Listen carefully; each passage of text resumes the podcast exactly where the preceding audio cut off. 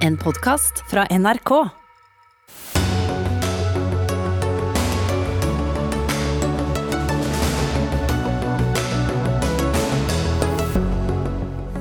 Nyomkommet identifisert etter leirskredet i Gjerdrum lille nyttårsaften. Hydrolog sier han advarte mot boligbygging i området for mange år siden. Stortinget ble ikke involvert før regjeringen kom med nye innstramminger i smitteverntiltakene. Det liker opposisjonen dårlig.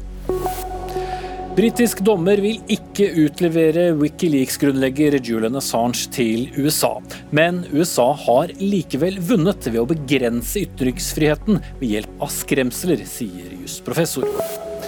Og 70-åringer er lite produktive og dyre i drift, mener økonomiprofessor, som er kritisk til forslag om å la statsansatte få lov til å jobbe til de er 72.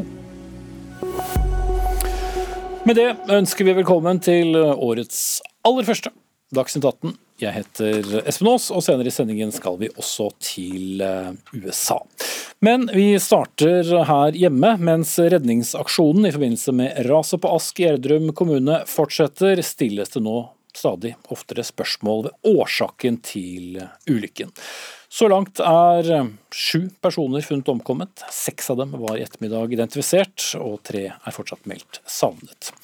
En som stiller spørsmål ved eh, kommunens ras- og flomsikring, det er deg, Steinar Myrabø, hydrolog og tidligere leder av Naturvernforbundet i Nannestad og Gjerdrum. I forbindelse med en høring i 2008 så leverte dere i Naturvernforbundet lokalt et notat der dere altså advarte mot utbygging i det rasutsatte området. Hva var bakgrunnen for det?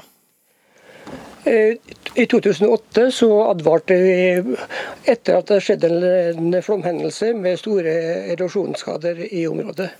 Vi ga, innspill, vi ga innspill til planen eh, allerede flere år tidligere. Og vi gir jo innspill til planer som eh, fører til store endringer i naturen.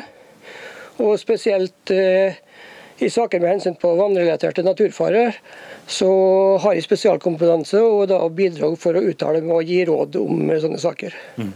Så du var eh, Naturvernforbundets uh, fagperson i, i, så måte? Ja, og så var jeg leder for Naturvernforbundet i Nannestad og Gjerdrum. Mm. Hva svarte kommunen?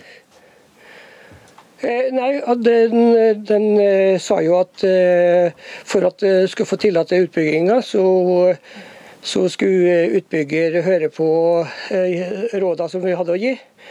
Og, men når eh, videre i planprosessen så ble jo den anbefalinga som vi hadde, tatt ut av planen. Slik at det ble ikke noe naturbasert overvannshåndtering, sånn som vi eh, anbefalte, med håndtering av flom og overvann fra området. Mm. Og heller ikke noe revegetering og vegetasjon, beholde vegetasjon langs bekken. Mm. Men eh, denne ulykken skjedde altså på onsdag. Er det ikke likevel tidlig å, å trekke konklusjonen? Ja, Vi har jo sagt at det, årsaken til hendelsen vet vi ikke ennå. Det er jo andre som skal etterforske og se. Men eh, en sånn eh, type sier eh, Eh, flom, økt flomfare pga. utbygging og større flom og mye mer erosjon er jo en eh, mulig årsak eh, til en utløsning av kvikkleireskred. Så det er noe som bør tas med i vurderingene framover. For det er også planlagt flere utbygginger i, i området? Ja, det er det sikkert. Jeg har flytta fra området og sånn.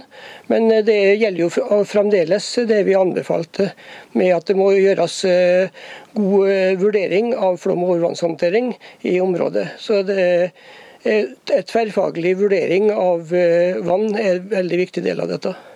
Hvilke reaksjoner har du fått på uttalelsene som du har kommet med da, bl.a. Til, til VG, NRK og Romerikes Blad? Jeg har fått veldig mange både av ulike medier og eh, av, eh, av beboere og andre rundt omkring. Så det er veldig stor interesse for dette. Eh, til slutt, Steinar Myrabø. Ut fra det som dere da advarte mot til kommunen tilbake til i, i bl.a. 2008. Hvordan kunne ting vært annerledes dersom deres innsigelser hadde blitt hørt på? Det er vanskelig å vite i denne saken. her. Men generelt så øker jo naturfaren i området hvis du ikke da håndterer flom- og overvann på en skikkelig måte. Da sier vi takk til deg, og så skal jeg uh, si at vi har snakket med Norges geotekniske institutt uh, i dag. De sier at de ikke ønsker å bidra til å spekulere i årsaken til uh, skredet, og har sitt fokus på akuttfasen, som de sier det. Norges vassdrags- og energidirektorat viser til at ikke de vil kommentere ulykken så lenge den er under etterforskning. Og vi har også naturligvis snakket med Gjerdrum kommune, som takker nei til å kommentere saken på nåværende tidspunkt, men sier de vil komme tilbake til den når de har funnet dokumentasjon om hva som skjedde med innvendingene til Naturvernforbundet tilbake i 2008. Jeg vil videre til deg, Tina Bru, eh, olje- og energiminister fra Høyre. Det er du som har det øverste ansvaret for det forebyggende arbeidet med ras- og flomsikring. Eh, hvordan kommenterer du den kritikken som for så vidt har kommet litt fra forskjellige hold gjennom de dagene som har gått siden denne fatale onsdagen? Altså jeg er i utgangspunktet enig i at det er altfor tidlig til å spekulere i årsaken dette skredet. Dette er fortsatt en pågående redningsaksjon. Det er mennesker vi fortsatt har håp om å finne i live, og akkurat nå så er det redning og liv som står høyest på agendaen for alle som er til stede på Gjerdrum nå. Jeg har selv vært og besøkt området i dag. Jeg har snakket med innsatsleder fra politiet, med ordføreren, med NVE som er på stedet. Og det, det eneste de tenker på nå, er å prøve å redde liv og også holde de som jobber med redning, trygge underveis. Så det er altfor tidlig. Vi aner ikke hva som er årsaken til skredet, men det må vi selvfølgelig finne ut av. Så det kommer til å bli en grundig gjennomgang.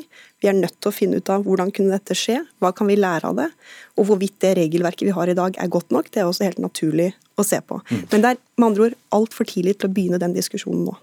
Men eh, det vi kan snakke om er jo den eh, utryggheten som mange andre eh, beboere i helt andre områder i, i Norge føler, som f.eks. på Bakkland i Trondheim, som har trukket frem i, i, i, helgen, og andre steder. For hvem er det egentlig som til sjuende og sist eh, har ansvaret? Fordi det er jo mange eh, forvaltningsledd som involveres når det er Eh, ønske fra en utbygger om å etablere et nytt boligområde? Det er riktig, det er, og det er mange som har ulikt ansvar også i disse sakene. Kommunene har et veldig viktig overordnet ansvar, som gjennom plan- og bygningsloven også har krav til å passe på at der de bygger er sikkert, og hvordan de skal sikre hvis det er fare for at ting er utrygt. Men det er også viktig for meg å si for, til mange av de som nå kanskje bor da, i et område med kvikkleire og som er bekymra, så har jeg forståelse for det. Det vi har sett i Gjerdrum er forferdelige bilder. Det er fælt å tenke på. Og jeg skjønner at folk blir bekymra, men generelt så er det viktig å si at det er ikke farlig å bo på kvikkleire. Vi vet også at de fleste kvikkleireskred som vi har sett i Norge opp gjennom tiden, har vært utløst av menneskelig aktivitet, ikke nødvendigvis klimaendringer eller vann, og, som en del andre har pekt på, men, men, det kan også være medvirkende årsak. Men med andre ord, det viktigste er at kvikkleire ikke overbelastes. Så i utgangspunktet så er det trygt, og man gjennomfører mye sikring og mye kartlegging av disse områdene rundt omkring i Norge for å kunne sikre seg best mulig. Mm. Men samtidig... Alt er jo trygt til det ikke lenger nettopp, nettopp. er det, og det er vel litt av grunnen til også at det stilles en, en del uh, spørsmål nå. fordi det er jo lett å tenke seg at det vil være press både på, på, kommuner og andre når noen vil bygge ut, og mange kommuner vil selvsagt ha ønske om å tiltrekke seg nye innbyggere. Selvfølgelig, og det er jo litt sånn landet vårt er òg. Vi er et land som også som alle andre land har naturfare knyttet til ulike ting.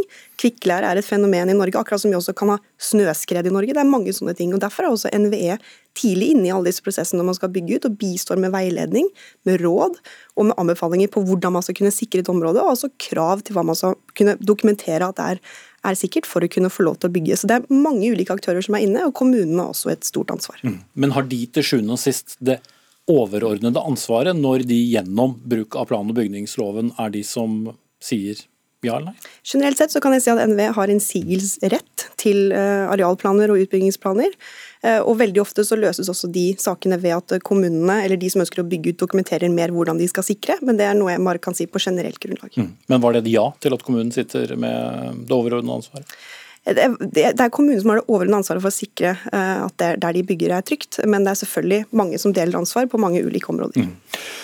Og da vender jeg meg til deg, Bjørn Arild Gram, styreleder i KS, altså Norske kommuners interesseorganisasjon. Viser hendelsen i Gjerdrum, uten at vi skal konkludere for mye på den, at kommunene ikke alene bør kunne ta avgjørelser om utbygging i enten det er kvikkleireområder eller rasutsatte områder? Jeg tror det er veldig klokt at vi ikke nå går inn og kommenterer det som har skjedd i Gjerdrum eh, nå. Får, det blir rikelig tid til det, så vi, vi, får snakke om det her på generelt grunnlag og ha respekt for at det pågår en redningsaksjon.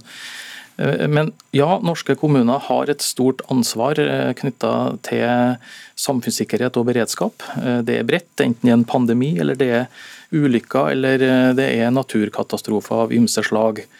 Og Det tas på stort alvor. Men det skjer jo ikke nærmest eh, på måfå eller uten et skikkelig grunnlag. Det er jo sånn at eh, Storting og regjering har fastsatt en rekke lover og regler for hvordan, på hvilken måte og grunnlag kommunene skal utøve dette ansvaret på da, for å sikre bred involvering, ha gode beslutningsgrunnlag og få fram de problemstillingene du, som må fram når du skal gjøre vanskelige avveininger på arealdisponering. Mm. Men så er jo ikke det det samme som at nødvendigvis eh, alle innsigelser eh, blir hørt. Enten det kommer fra en pressgruppe som Naturvernforbundet, eller for den sakens skyld eh, NVE eller NGI? Alt blir hørt, men, men det er ikke gitt at alt som alt nødvendigvis blir tatt hensyn til å følge opp. Men vi har høringsprosesser som gjør at alle blir hørt. Men når det gjelder begrepet innsigelser, så er det et formelt eh, begrep som en tjuetall statlige instanser pluss fylkeskommunen har. Eh, og Det må man ta hensyn til. En innsigelse den må, må du ta hensyn til når du driver arealplanlegging. Du kan ikke velge å se bort ifra det. Eh, og Da må, du, da må utbygger kommune tilpasse seg det og bli avklare med den som har levert innsigelse. Men det vil ikke være noen endring i at det er kommunen som til sjuende og sist uh, tar den endelige avgjørelsen? Ja, hvis man, altså, hvis, man ikke, hvis man, da skulle velge å ikke ta, ta, innsigelsen til følge, så betyr det at du ikke kan iverksette tiltaket. Da går det først til megling til fylkesmannen, og blir du ikke enig, eller statsforvalteren som det heter nå. Blir du ikke enig der, så er det til slutt departementet som bestemmer. Mm.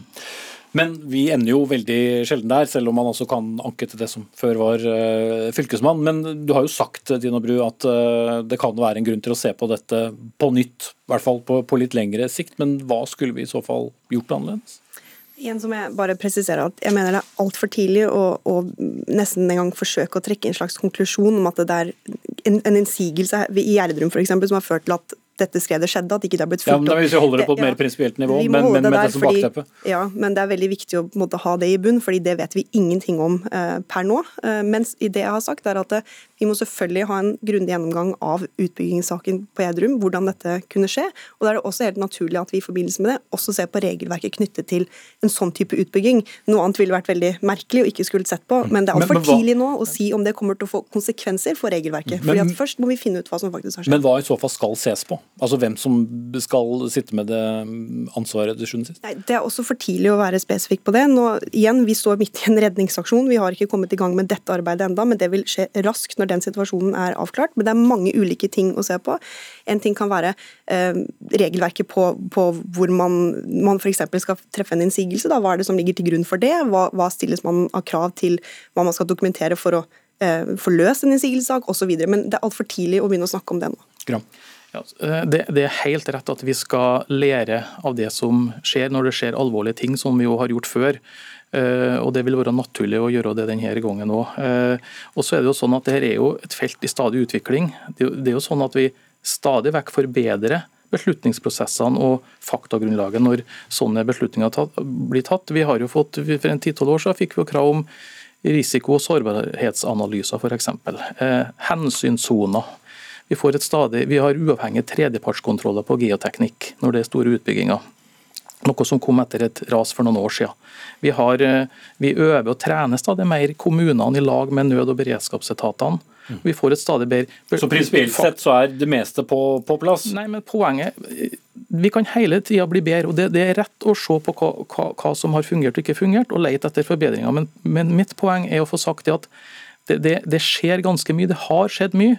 Og vi, og vi, har hatt en positiv utvikling når det gjelder arbeidet med risiko og sårbarhet og samfunnssikkerhet i Norge. Men som sagt, vi skal også forbedre oss. For det er vel likevel vanskelig å avvise at næring og økonomiske interesser i noen tilfeller kan veie i overkant eh, tungt enn f.eks. innsigelser?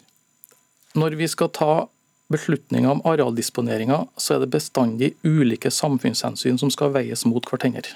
Eh, og Det er det lokaldemokratiet til slutt som gjør, men etter en omfattende prosess basert på bestemmelser fra nasjonale myndigheter, og med muligheter for eh, regionale og nasjonale myndigheter til å ha innsigelser. Og Innsigelser er som sagt ikke noe du kan se bort ifra, de må løses, hvis ikke så blir det ingen utbygging.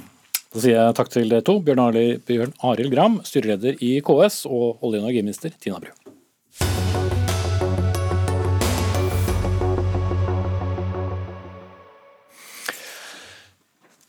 I eh, går kom eh, beskjeden om at eh, vi må stramme inn, og det skikkelig i Norge. Vi er nesten tilbake der vi var i mars, men så er også vaksineringen i Norge i gang. Men foreløpig er det kun et par tusen som har fått det viktige nålestikket. Direktør i Folkehelseinstituttet Camilla Stoltenberg, hvis vi begynner med gårsdagen. Statsminister Erna Solberg sa i dag at de ga beskjed til folket folket så raskt de fikk råd fra dere, altså Folkehelseinstituttet. Så vidt jeg forsto på statsministeren i, i morges, så kom disse rådene eh, lørdag ettermiddag, også for to eh, dager siden. Hvorfor var det tidspunktet å råde i regjeringen? Det har jo kommet små drypp som tydet på at eh, smitten var på vei eh, oppover i landet gjennom julen. Det har det, men det var særlig første nyttårsdag og dagen etter, altså fredag-lørdag, at vi satte sammen hele bildet og konkluderte med at vi mente at det ville være klokt å ha tiltak som var strengere i en kort periode for å få ned smitten, men også for å få bedre oversikt og sørge for at kommunene har kapasitet til å håndtere alle de oppgavene de nå har. Mm. Ble det vurdert å komme med disse rådene tidligere, eller var det først da, første og annen nyttårsdag, som bildet var komplett nok? Det har vært vurdert løpende både av eh, Folkehelseinstituttet, Helsedirektoratet og regjeringen. Så det har vært flere runder der det har vært diskutert. Som vi vet så er smitten veldig ulikt eh, fordelt eh, utover landet. Hvorfor er det riktig med de samme tiltakene da over hele landet? Vi mener at det er riktig en kort periode. Hovedgrepet er jo at det skal være ulike tiltak, at man skal åpne for variasjon avhengig av smittesituasjonen.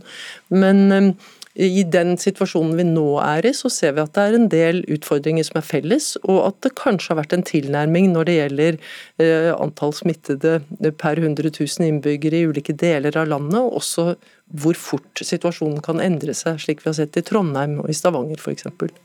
Men vil ikke det også eh, kanskje øke da denne frustrasjonen og, og trettheten? Hvis man da f.eks. driver et utsted i en, øh, en, by eller et øh, tettsted hvor det knapt finnes koronasmitte, og man får beskjed om at du får ikke lov å skjenke et eneste glass de neste to ukene, og det kommer jo til å merkes på bunnlinjen. Det er veldig forståelig at folk er frustrerte og trette. Eh, og Det er én grunn til at vi har foreslått at dette skal være kortvarig før man vurderer hva som skal skje videre. Så vil det være avhengig av hvordan smittesituasjonen utvikler seg, og hvordan kapasiteten i kommunene er om 14 dager, hva som da gjøres. Og De to ukene eh, kommer disse strenge tiltakene til å vare nærmest uansett, fordi vi da må se utviklingen eh, fra, fra julen når den når testingen begynner å ta seg opp igjen. For det er jo en annen del av bildet at få har testet seg gjennom eh, julen. Ja, det er helt riktig. Eh, så det vil vare 14 dager, ja. Mm. Eh, så er det dette med vaksineringen. Det var jo nærmest vaksinering minutt for minutt her tredje juledag og utover. Vi har fått 40 000 doser, fikk vi høre. Et par tusen er vaksinert. Hvorfor går det så sakte? I Norge har vi et system med programvaksine som eh, er regulert slik at alle kommunene har ansvar for å tilby vaksine til sin befolkning. Det har vi veldig god erfaring med. Det håndterer kommunene godt, og det har de gjort f.eks. i tidligere epidemier, og de gjør det hvert eneste år. Vi bygger på det systemet, og det betyr at vaksinene skal helt ut dit. Da trenger det å være en god plan i bunn, og den planen den må kommunene få lage hver seg avhengig av situasjonen i den enkelte kommunen. Mm. Så du ikke 2000 er et lavt tall så langt? Vi ønsker jo at vaksineringen skal gå fort, men vi ønsker også at den skal gå forsvarlig for seg. og Det vi ser nå er at vi har startet langsomt langsommere enn en god del andre land som fikk vaksine på samme tid. Men vi mener at vi vil ha et mye mer robust system, slik at vi i løpet av sannsynligvis noen uker vil være i fase med å bruke alle vaksinene fortløpende. Og også ha eh, god evne til å Eh, skalere opp kapasiteten i alle kommunene ettersom det blir behov for det. og Det håper vi at det blir raskt. Mm. Men Hvordan er det mer robust å, skynde seg langsomt på et tidspunkt hvor smitten altså brer seg? Det er for det første slik at Da kan planene være slik at vi sikrer at alle dosene blir brukt. Vi kan sikre at de som skal få tilbud om vaksine, faktisk har fått det. Og vi kan sikre at det er noen som er reserve, hvis eh, den personen som har sagt ja, ikke kan eller vil likevel. Og vi kan sikre at det er to doser. Det har også vært viktig for oss i aller første runde å ikke være helt sikre på at leveransene kommer som de er forespeilet. Nå er vi tryggere på det, eh, og vurderer nå å gå bort fra at vi skal sette til side halvparten og vente. Mm. Så det betyr at tempoet kommer til å ta seg opp? Ja, det vil ta seg opp i løpet av de nærmeste to ukene nå. Mm. Takk skal du ha, Camilla Stoltenberg ved Folkehelseinstituttet. Tusen takk.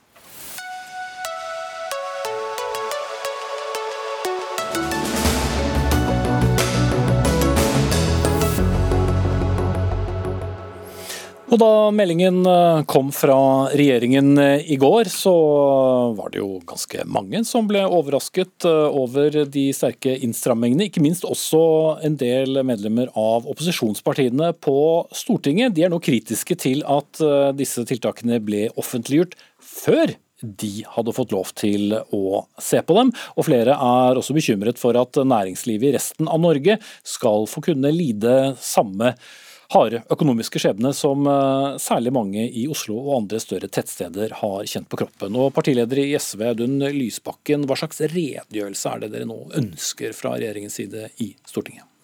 Nei, Vi mener jo at det er veldig viktig at Stortinget nå får diskutere hele bredden i dette. Det er brei enighet og det tror jeg gjelder alle partiene om at det trengs tiltak for å stoppe smitte. Men det vi jo er særlig bekymret for fra SV sin side, det er at regjeringen igjen og igjen handler for seint når det gjelder å stoppe de sosiale og økonomiske konsekvensene av krisen. Eh, rent konkret så ser vi det jo nå i forhold til eh, konsekvensene det får for uh, utelivsbransje, serveringsbransje, at du gjennomfører en nasjonal skjenkestopp uten at vi har på plass en ordentlig kompensasjonsordning som kan hindre et mulig konkursras i den bransjen. Så du er ikke nødvendigvis uenig i regjeringens tiltak, men du ville A prinsipielt ønsket at de skulle innom uh, Stortinget, og B du ville også sett en plan for hva som skjer med kompensasjon? Ja, jeg tror ikke det finnes noen politisk uenighet om behovet for å bekjempe eh, smitten. Eh, det er det tvert imot svært brei både folkelig og politisk enighet om. Men så er jo ikke Stortinget i det hele tatt invitert til å ta stilling til akkurat hvilke tiltak og dimensjoneringen av de. Jeg mener jo at det er feil, det er en diskusjon som vi har hatt med regjeringen i lang tid. Regjeringen velger å beholde all makt sjøl i disse sakene. Jeg tror vi nå begynner å se hvorfor det er uklokt. Nå eh, oppstår det mer diskusjon mellom kommunene og regjeringen regjeringen, mellom ulike bransjer og regjeringen om hvorfor ting vektes som de gjør. Flere er usikre på om regjeringen prioriterer riktig. Da ville det vært klokt hvis en hadde endret eh, praksis sånn som vi har foreslått, at når du gjennomfører veldig inngripende tiltak, så skal regjeringen kunne gjøre det over natten, men så kunne du hatt en behandling i Stortinget i etterkant som ville sikret en annen type åpenhet, eh, og også at kritiske røster ble hørt på en annen måte enn i dag. Mm. Helse- og omsorgsminister eh, Bent Høie, ja, vi har for så vidt hatt denne diskusjonen tidligere også, men hvorfor uh, lytter dere ikke til innsigelsene? Ja, Det gjør vi jo absolutt. Så er det jo sånn at Jeg 21.12. skrev brev til Stortinget og ba om å få komme og redegjøre til Stortinget rett etter jul. Nettopp fordi at det var et veldig godt tidspunkt. Vi regnet jo med da at vi var i gang med vaksineringen. Det var det viktig å få redegjøre til Stortinget for. Og det andre var at jeg òg mente at det sannsynligvis var et behov for å redegjøre for smittesituasjonen etter jul. Så Eh, så har Stortinget i dag òg ønska at vi kommer og redegjør, og det vil vi selvfølgelig gjøre. Men allerede uten opposisjonen krevde det, så ba jeg Stortinget om å få komme og redegjøre innen 20.12. Det er helt naturlig å redegjøre for Stortinget når det er vesentlige endringer i, i tiltakene som, som, nå har skjedd. Mm. Så du er uenig i at dere opererer på, på egen hånd her uten å ta med nasjonalforsamlingen? Eh, absolutt, vi opererer innenfor de rammene som nasjonalforeningen har vedtatt, eh, nasjonalforsamlingen har, har, vedtatt. Eh, og så er det også sånn at det er viktig at tiltakene kommer raskt. Det er sånn at jeg 29.12. fikk råd fra Helsedirektoratet og Folkehelseinstituttet om å ikke stramme inn nasjonale tiltak. 2. Desember, nei, 2. Januar. januar fikk jeg råd om å stramme inn. og Det gikk da 24 timer fra det rådet var gitt til regjeringen hadde vedtatt rådene. Eh, og Det er rett og slett så hurtig vi er nødt til å håndtere disse eh, situasjonene for å ikke komme i en situasjon der smitten får spre seg videre. Men det viser òg hvor raskt de faglige rådene endrer seg.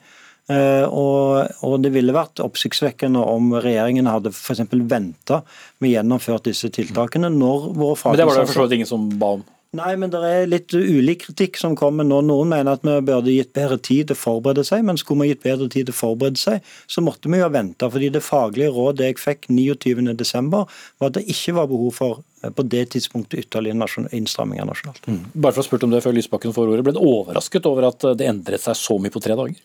Vi har hele veien hatt en høy beredskap for endring gjennom hele julen. og Derfor sa jo jeg òg lille julaften at folk må være forberedt på at det kommer endringer, enten nasjonale innstramminger, og det var òg bakgrunnen for at jeg ba om en vurdering fram til 29.12., men ikke minst òg at folk måtte være forberedt på Eh, lokale tiltak som kom eh, veldig på dus på, fordi vi var i en veldig usikker situasjon. og Dessverre så bekrefta jo Helsedirektoratet FHI da i løpet av helgen at den usikkerheten var nå så stor at de tilrådde kraftige innstramminger. Det gjennomførte regjeringen i løpet av 24 timer. Mm. Så ble tiltakene presentert på en eh, pressekonferanse i går, hvor det var åpen for pressen å, å, stille spørsmål. Alle som ville kunne se dette på, på TV eller nett. Hva blir annerledes i en redegjørelse for Stortinget enn på en offentlig pressekonferanse for de som måtte lure på det? Det som er annerledes, er jo at ting på et vis i hvert fall vil forankres hos eh, landets nasjonalforsamling.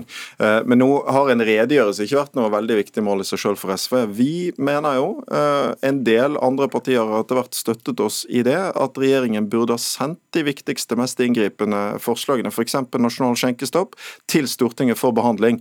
Ikke for å bruke lengre tid, for jeg mener at Bent Høie bør stå fritt til. Så alvorlig er pandemien pandemien og gjennomføre ting over natten, nettopp fordi rådene skifter på den måten som helseministeren eh, beskriver. Men så er det også en uro eh, hos mange, eh, et ønske om å komme til bunns i hvorfor man prioriterer som man gjør. Det er viktig når vi er i en krise som varer så lenge, at kritiske røster blir hørt, at vi sikrer maksimal åpenhet. Og Da tror jeg at det ville være klokt av regjeringen å ikke insistere på å bestemme alt alene, men å være mer åpen for å involvere de folkevalgte. Rett og slett fordi eh, vi representerer folk. Jeg får veldig mange henvendelser, f.eks. før jul rundt denne saken om karantenehotell, eh, der folk var misfornøyde eller hadde sterke innvendinger som regjeringen etter hvert lyttet til. Men som folkevalgt så hadde jeg altså ingen mulighet til å følge opp det, fordi Stortinget er i realiteten uten makt i eh, disse sakene. Høye. Stortinget er ikke uten makt. og Noe av det siste vi gjorde i Stortinget rett før jul, var jo nettopp at Stortinget behandla flere representantforslag som hadde andre smitteverntiltak. Nå var det etter min vurdering heldigvis sånn at ingen av de fikk flertall. Så flertallet på Stortinget står jo da bak de tiltakene som regjeringen hadde gjennomført og foreslått. Men det var forslag oppe til votering i Stortinget om andre smitteverntiltak som ikke fikk eh, flertall. Kort, Kort, altså, Vil denne redegjørelsen kunne føre til noen endring i tiltakene som regjeringen lanserte på søndag? Den viktigste uenigheten akkurat nå mellom regjeringen og opposisjonen, det handler ikke om eh, tiltakene mot smitten, men tiltakene mot arbeidsløsheten og den økonomiske krisen. Vårt mål i hvert fall er å presse regjeringen når den kommer til Stortinget nettopp på det. Hvor blir det av en støtteordning som gjør at vi unngår et konkursras i utelivet?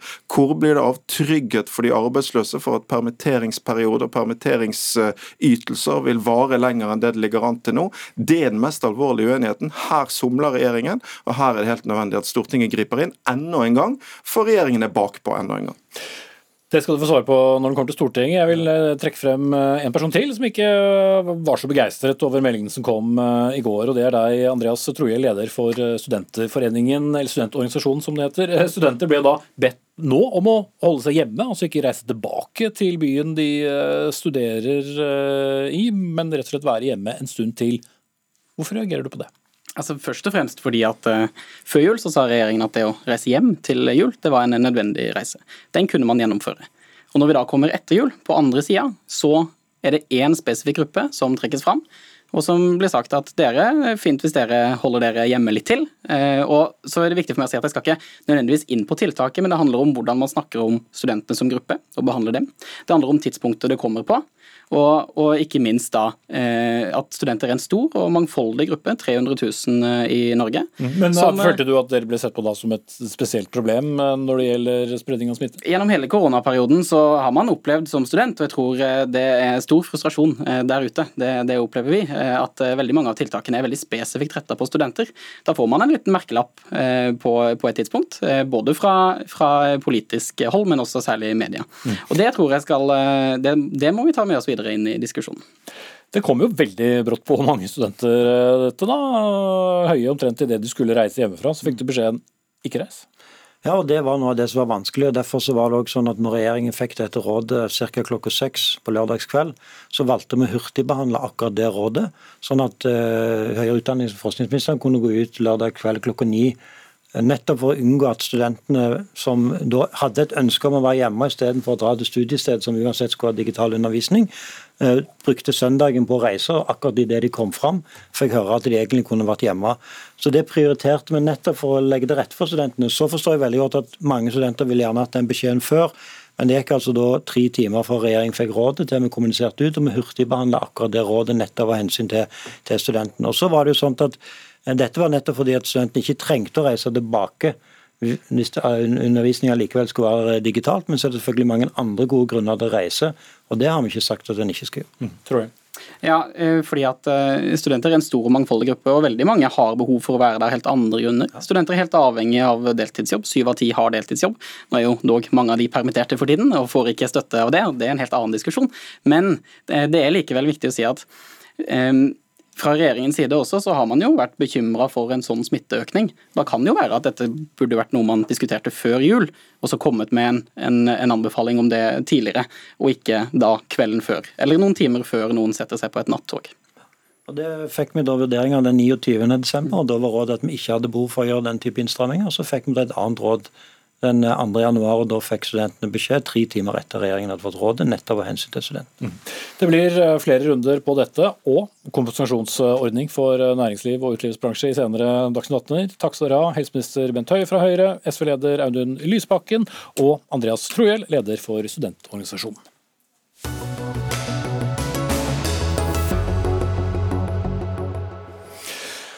Mot slutten av eh, Dagsnytt 18 skal vi eh, snakke om eh, den historien fra USA som har blitt mye omtalt de siste døgnet, særlig om Trump som skal ha presset valgsjefen i Georgia og ønsket ham at han endret på valgresultatet. En sak som er mye verre enn Watergate-skandalen mener journalisten som var med på å få presidenten Nixon fjernet tilbake på 70-tallet. Det skal for så vidt delvis eh, handlet om USA nå også, for faren for Selvmord ja, det ble brukt som begrunnelse for at Storbritannia ikke skal utlevere Wikileaks-grunnlegger Julian Assange til USA. Det bestemte en engelsk dommer tidligere i dag. Amerikanerne har som kjent begjært Assange utlevert for å stille ham for retten for spionasje og datainnbrudd, etter at Wikileaks for ti år siden lekket en rekke hemmelighetsstemplede amerikanske dokumenter. Stian Øby Johansen, førsteamanuensis ved Senter for europarett ved Universitetet i Oslo. Bare for å ta litt av hovedpoengene her. Vi snakker altså om en australsk statsborger, Julian Assange. Saken behandles av en britisk, eller faktisk en engelsk rett, om en mulig utlevering til USA. Er dette vanlig? Eh, akkurat denne saken er jo eksepsjonell, men at man kan straffes eh, og utleveres fra et annet land enn der man er et statsborger, er ikke uvanlig. Det er det eh, vi jurister kaller spørsmål om jurisdiksjon. Hvem kan utlevere, hvem kan straffeforfølge. Utlevering er for så vidt greit. Den staten du befinner deg i, kan utlevere deg til en annen stat som har jurisdiksjon til å straffe deg. Så Storbritannia kan utlevere i prinsippet, men da må betingelsene for det være oppfylt. Og En av de vil jo være at eh, USA, som vil ha Assange her, har jurisdiksjon til å straffe.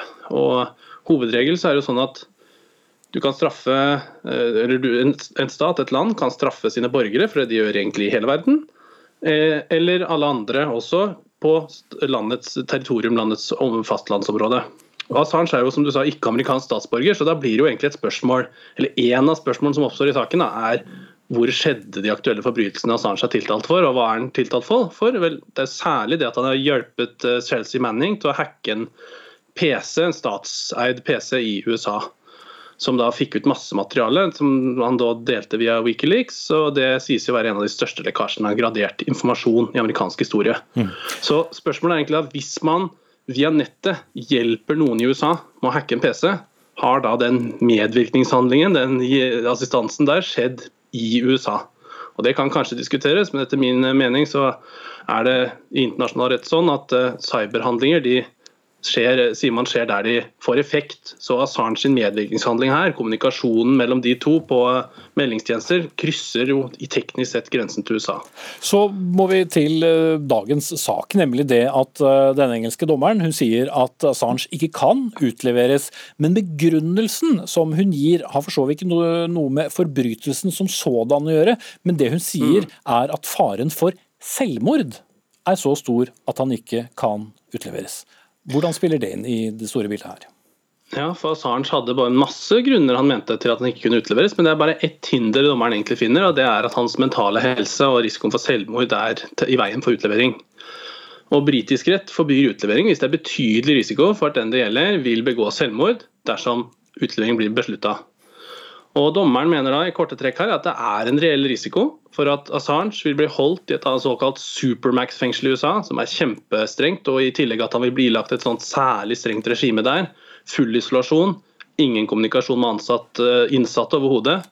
Eneste menneskelige kontakt vil være den kikken i luka når noen kommer og gir han mat eller skal se at han ikke har ja, tatt sitt eget liv. Én time per dags innendørs lufting.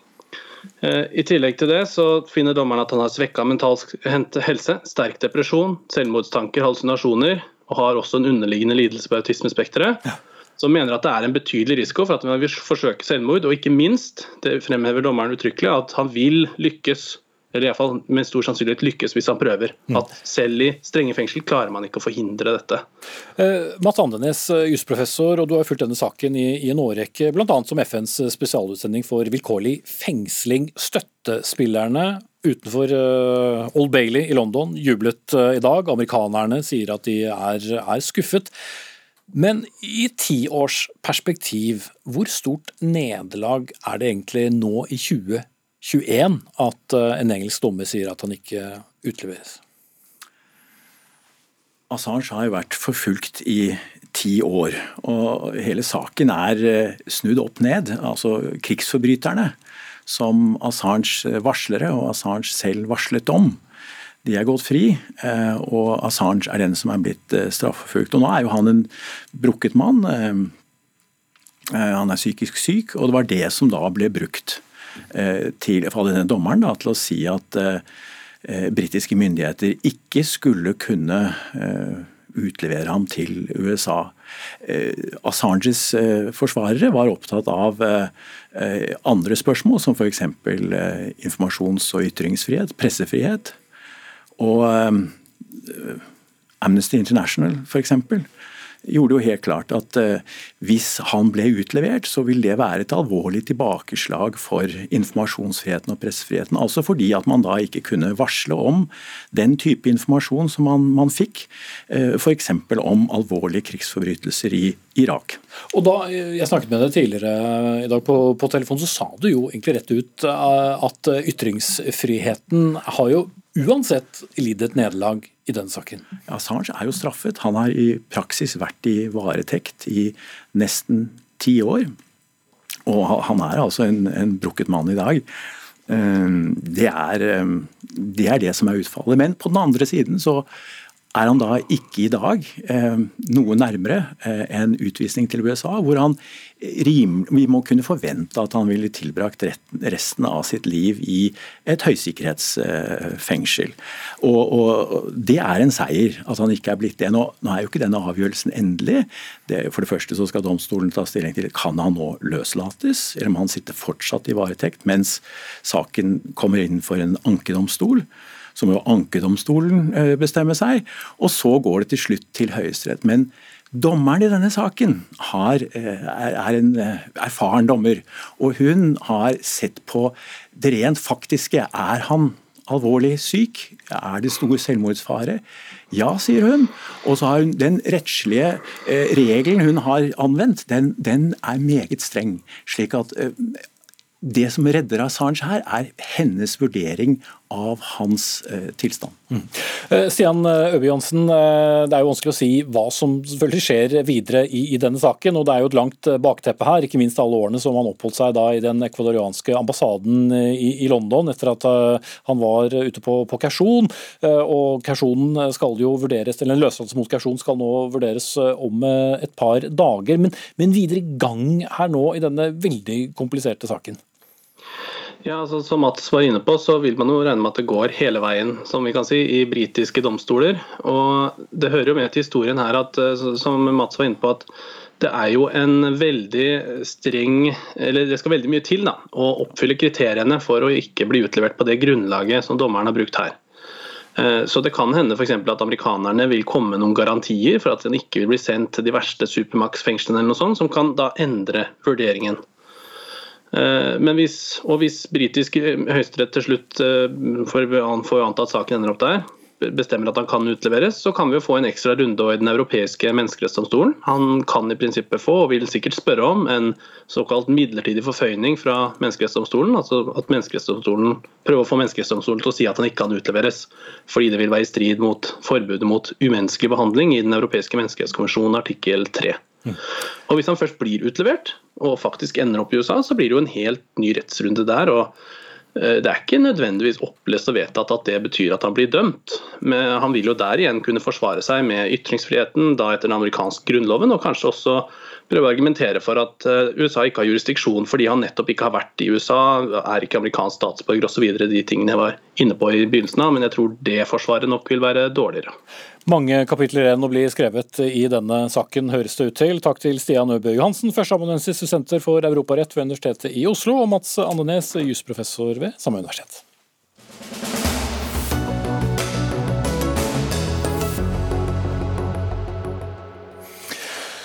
Hvor lenge skal vi jobbe, og hvor lenge bør vi jobbe? I dag kan eh, statsansatte jobbe til de er 70 eh, år. Men dersom regjeringen får den som den vil, skal aldersgrensen kunne økes til 72 år. Eldre ønsker å jobbe lenger, og vi trenger det for å sikre bærekraften i velferdsstaten er iallfall begrunnelsen fra Arbeids- og sosialdepartementet fra, i høringsforslaget som nå er eh, sendt ut. Steinar Holden, økonomiprofessor ved Universitetet i Oslo, du har rekke, ledet av en rekke offentlige utvalg. Ifølge nettstedet E24 så var ikke dette dette et forslag som eh, falt i særlig god jord hos deg, å øke den aldersgrensen. Hvorfor eh, er ikke det en god idé, du som er så opptatt av at vi skal eh, bidra til verdiskapning? Ja, ja. Nei, jeg tror jeg synes dette er et dårlig forslag. Og jeg er jo veldig for målet, nemlig at folk skal jobbe lenger. For jeg tror det er mange som er over 70 som kan gjøre en god jobb. Men dette er ikke riktig måte å gjøre det på. Den riktige måten å gjøre det på vil være å gjøre det lettere å jobbe etter aldersgrensen. Eh, på en på måter som, eh, som, vil være frivillig for begge parter, både for arbeidsgiver og for eh, arbeidstaker. Nå altså At man inngår en egen avtale om en, om en godtgjørelse for fortsatt arbeidstilknytning med, med arbeidsgiver? En avtale, så i, i, og for seg kan det godt være at noen kan ansettes helt på vanlige vilkår også. Det er forbudt nå, men det kunne vært en god idé at, man, at det ville være lov å gjøre det. Men, men jeg tenker først og fremst på pensjonistlønn, som er nå en ordning som finnes, eh, og som brukes noe, men som det er en rekke begrensninger på. Det, det er en måte som kunne brukes mye mer enn det den brukes eh, nå. Mm. Som kort fortalt er en, en, form for avlønning da, at du er tilknyttet uh, din tidligere arbeidsgiver, eller for så vidt et annet uh, arbeidssted. Ja. Ja.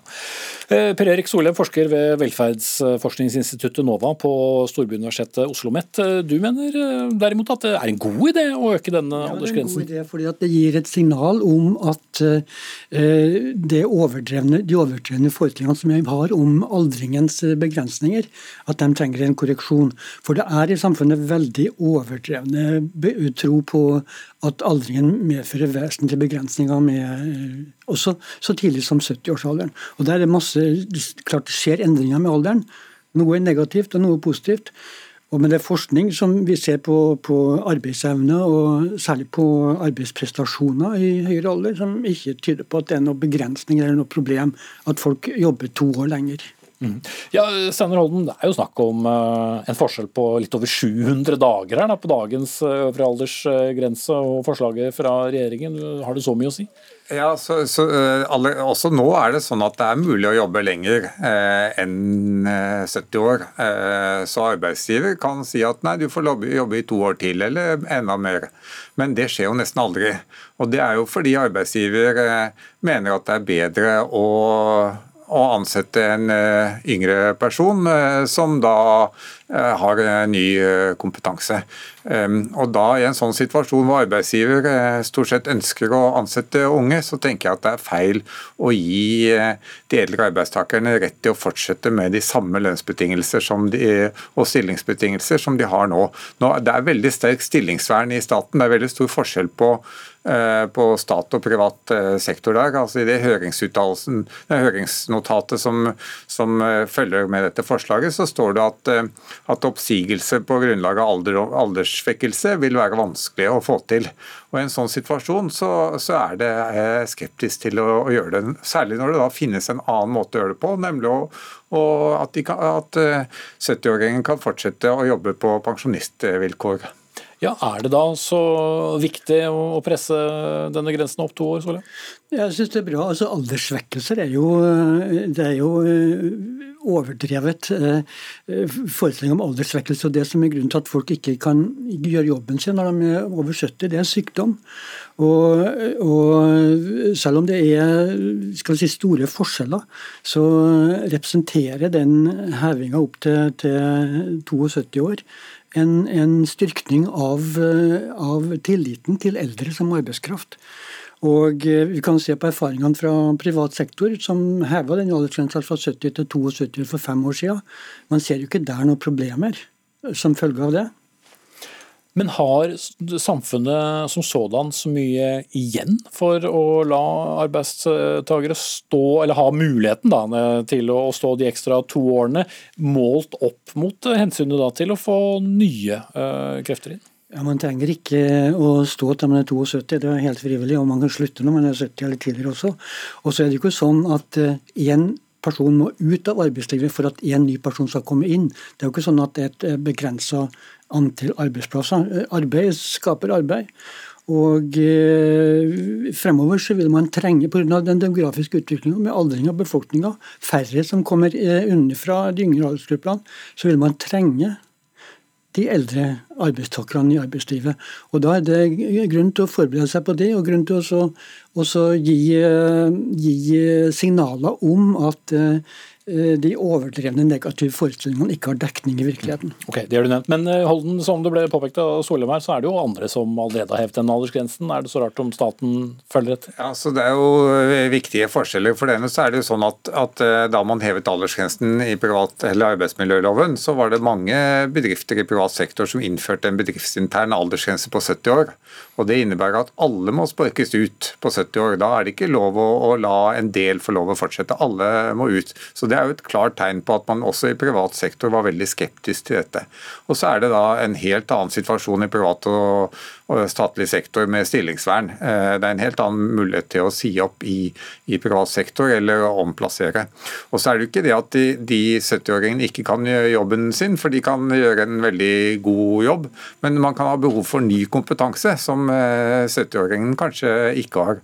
Og så er det, Jeg tenker at man kan gi dette signalet på en annen måte, eh, en positiv måte, om at, eh, at man lar folk få lov å fortsette med pensjonistvilkår. Og en, en viktig årsak til mitt engasjement her, det er jo at eh, jeg er redd for konfliktfylte eh, situasjoner. At 70-åringer eh, som ønsker å fortsette, og som kanskje i og for seg gjør en god jobb med det de er interessert i, men ikke, kanskje ikke det arbeidsgiver er interessert i.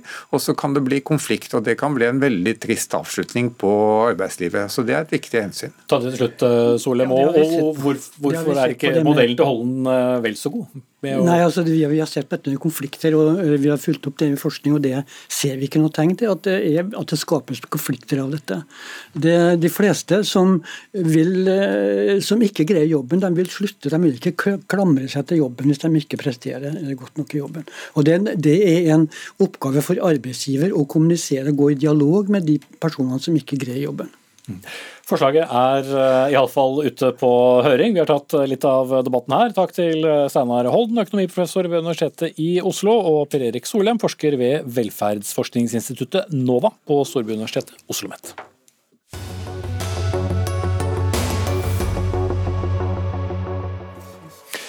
Til slutt i Dagsnytt 18 skal vi til eh, USA, der eh, telefonsamtalen som eh, president Donald Trump tok til valgsjefen i Georgia, har fått flere til å kreve riksrett.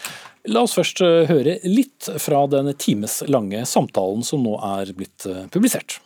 All I want to do is this. I just want to find uh, 11,780 votes which is one more that we have, because we won the state.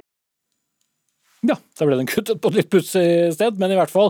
Eh, Donald Trump ønsket eh, altså en opptelling som eh, ga ham en ekstra stemme. Og Veronica Westrin, eh, du befinner deg i eh, staten Georgia nå, eh, vår USA-korrespondent. Hvis vi skal ta hele det store bakteppet her, hva, hva var det egentlig som, som skjedde?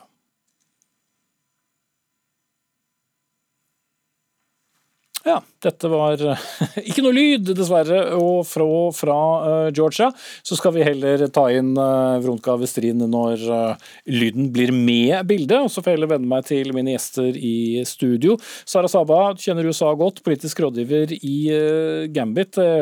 hvis vi ser på datoen, så er det bare litt over to uker igjen av Donald Trumps botid i Det hvite hus og i presidentembetet. Hva, hva er det som skjer før rulleteksten kommer nå? Eh, det ser jo ut som at eh, desperasjonen kanskje har eh, kicket inn litt. Det som har skjedd i Georgia i helgen, virker jo noe kunstig. Nå som man også er helt på tampen av valgkampen i Georgia, som jo er veldig viktig. Det kan avgjøre om republikanerne eller demokratene får flertall i Senatet. Så det virker noe rart. Og Sofie eh, Høgsøl, også USA kjenner, men også førsteamanuensis i rettsvitenskap. Finner vi noe lignende i USAs historie ut fra det vi kjenner, iallfall? Nei. Kort og godt nei. Hva er det vi ser? Nei, altså vi ser en Trump som ikke har lyst til å erkjenne nederlag. Eh, og kanskje det, Jeg vet ikke om du har hørt på hele teipen, men den er jo en time lang. Men hvis man hører på den, så får man jo et inntrykk av at han virkelig tror at han har vunnet den staten. Mm, Donald Trump. Ja, med ganske mye. Og det har han jo ikke. Man har gjort tre opptellinger i Georgia, én for hånden, eh, og har ikke kommet frem til at det er han som er vinneren av den staten. Og nå melder jo også Politico at kan, han kan ha vært med på lignende samtaler i en de andre vippestatene som, eh, som gikk til Biden, og som avgjorde valget. Eh, men jeg er jo helt enig med det at det er rart at det kommer nå, for det at valgresultatet i disse statene er ferdig de valgmennene i de statene har møtt. De har avgitt sine stemmer, og de har blitt sendt til Kongressen. og Kongressen skal møtes nå på onsdag for å komme med det siste formelle godkjennelsen av valget. Mm. Og da har vi mine venner, fått med oss lyd også fra Georgia. Og eh, Veronica Westrin, eh, du er jo da midt i, i, sentrum av det som nå skjer, ikke minst med det forestående valget. Hva er det folk eh, sier der hvor du er?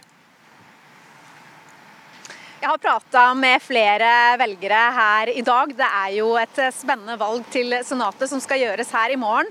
Men eh, mange er opptatt av denne telefonsamtalen, eh, og noen bare ler av det. Mens eh, andre sier at de er enig med Trump. De tror ikke på det media forteller dem, og de tror ikke på valgresultatet. Men de fleste jeg har prata med her, dette er jo en veldig demokratisk eh, by, eh, mener jo i likhet med det Camela Harris, eh, som var her i Savannah i går, sa, at dette er et kraftig maktmisbruk av den amerikanske presidenten.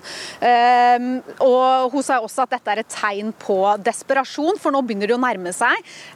til onsdag onsdag så skal Kongressen ta stilling til valgresultatet, og da får man den endelige avklaringen. Sofie Høgestøl, som jeg nevnte innledningsvis, så har jo noen nevnt riksrettsordet. Er det særlig sannsynlig? Nok ikke fordi at hovedfunksjonen til riksrett i USA det er å få en person til å gå av. Det er ikke en strafferettsmekanisme på samme måte som det er i Norge. Men det er jo noen som har sagt at fordelen med å stille han for riksrett ville jo vært hvis han skulle bli dømt, og det har jo ingen amerikansk president blitt i historien, så det kan ikke jeg helt se for meg. Men om han skulle bli dømt, så ville han da ikke kunne stille til gjenvalg i 2024. Eh, men jeg tror altså det, det er to uker til han går av, eh, så det virker totalt usannsynlig at man skal få til en sånn prosess innen den tid, eller ha motivasjon til å gjøre det i etterkant. Så er det gitt at det var et forsøk på press fra Donald Trump? Ja, det tror jeg vi har sett flere forsøk på nå. Det er det siste i en rekke grep, juridiske tvister eh, og andre knep. Eh, hvor han nå prøver å liksom sette, sette, inn støtet og kanskje leverage noen av sine personlige relasjoner. Eh, han bruker dette med partitilhørighet bl.a. som et sånt pressmiddel. Så det sier jo noen ting om den der interne dragkampen, kanskje, i det republikanske partiet som foregår nå. Man skal, har jo snakket litt om å kanskje kaste noen av valgmannsstemmene når stemmene skal telles på på onsdag, eh, som av noen har blitt karakterisert som en sånn mytteri mot eh, det republikanske partiets partiledelse. Eh, så det er ganske mye interessant nå som skjer, som kan svekke partiet på både kort og lang sikt. Og Veronica Westrin, Målinger tyder jo på at veldig mange amerikanere stadig er hellig overbevist om at Donald Trump har rett når han sier at dette valget er rigget og, eller stjålet, eh, da, for å bruke hans eh, ord. Men denne saken som nå dukker opp med denne offentliggjøringen av uh, denne samtalen, hvordan spiller det inn i dette? Det kan jo være med på å skape en ytterligere debatt, selvsagt. Og også kanskje mobilisere noen av Trumps eh, tilhengere som eh, skal møte opp på denne demonstrasjonen som han har varsla eh, onsdag. Men samtidig så hører vi jo da denne republikanske øverste valgansvarlige her i Georgia gå ut og si at president, den informasjonen du kommer med, den er ikke korrekt. Han gjør jo dette flere ganger i denne samtalen. og det er jo sånn at I Georgia så har de telt valgresultatet tre ganger. To ganger maskinelt, én gang for hånd. Og alle gangene har det vist til at det er Joe Biden som vinner valget. Mange jeg snakker med som, som støtter Trump og som tror, at, tror på konspirasjonsteorier, tror at dette valget eh, er stjålet og rigget. Eh, de, de tror ikke på denne informasjonen. De, de tror det Trump sier er sant. Eh, men kanskje kan noen få bli litt mer opplyst når de hører altså fremtredende republikanere tale imot eh, Trump. Men som en her jeg snakka med i stad sa, at han finner ikke informasjonen sin via nyhetsmedier. Han finner de på sin egen måte. og Sånn er det eh, mange av Trumps tilhengere som tenker. Sofie Høgesøl, samtidig vil mange si at det er veldig lite å vinne på å skulle støtte Trumps versjon av, av valget uansett? Jeg tenker at For det republikanske partiet så er det valget som skjer i morgen, som sagt, utrolig viktig for dem. Det avgjør om de fortsetter å lede Senatet. og uten, altså Hvis de ikke gjør det, så er de litt på sidelinjen i amerikansk politikk i to år til. For da har demokratene presidenten, de har Underhuset og de har Overhuset. Um, så dette er viktig for dem. Jeg tror det han gjør kanskje aller mest her, er å sabotere sitt eget valg. fordi at Meningsmålingene viser et enormt jevnt valg i morgen. Og Da er, handler alt om mobilisering. Og hvis du da ser at en del av hans velgere tenker at the election is rigged, kommer de til å gå ut i morgen og stemme. Men Betyr det også Sarasava, at vi kan forvente oss eh, enda mer av, av oppslag og hendelser? Ja, jeg tror at det helt på, på, tampen her, de to siste ukene, kan, eh, kan bli ganske spennende. Eh, og det blir interessant å bare følge det republikanske partiet nå. Eh, i tiden som kommer. Eh, for det er helt tydelig at det er noen som har interesse av å liksom innynde seg hos eh, Trumps kjernevelgere, eh, og at det møter ganske mye motstand internt. Takk skal dere ha. Sara Saba fra Gambit, Sofie Høgesøl fra Universitetet i Oslo og vår korrespondent Veronica Westrid med oss fra Savannah i Georgia. Georgia on my mind, var det noen som sang. Det henger kanskje med også. Ansvarlig for denne sendingen, Dag Dørum. Lisbeth Sellereite tok seg av det tekniske. Jeg heter Espen Aas. Vi ses igjen i morgen.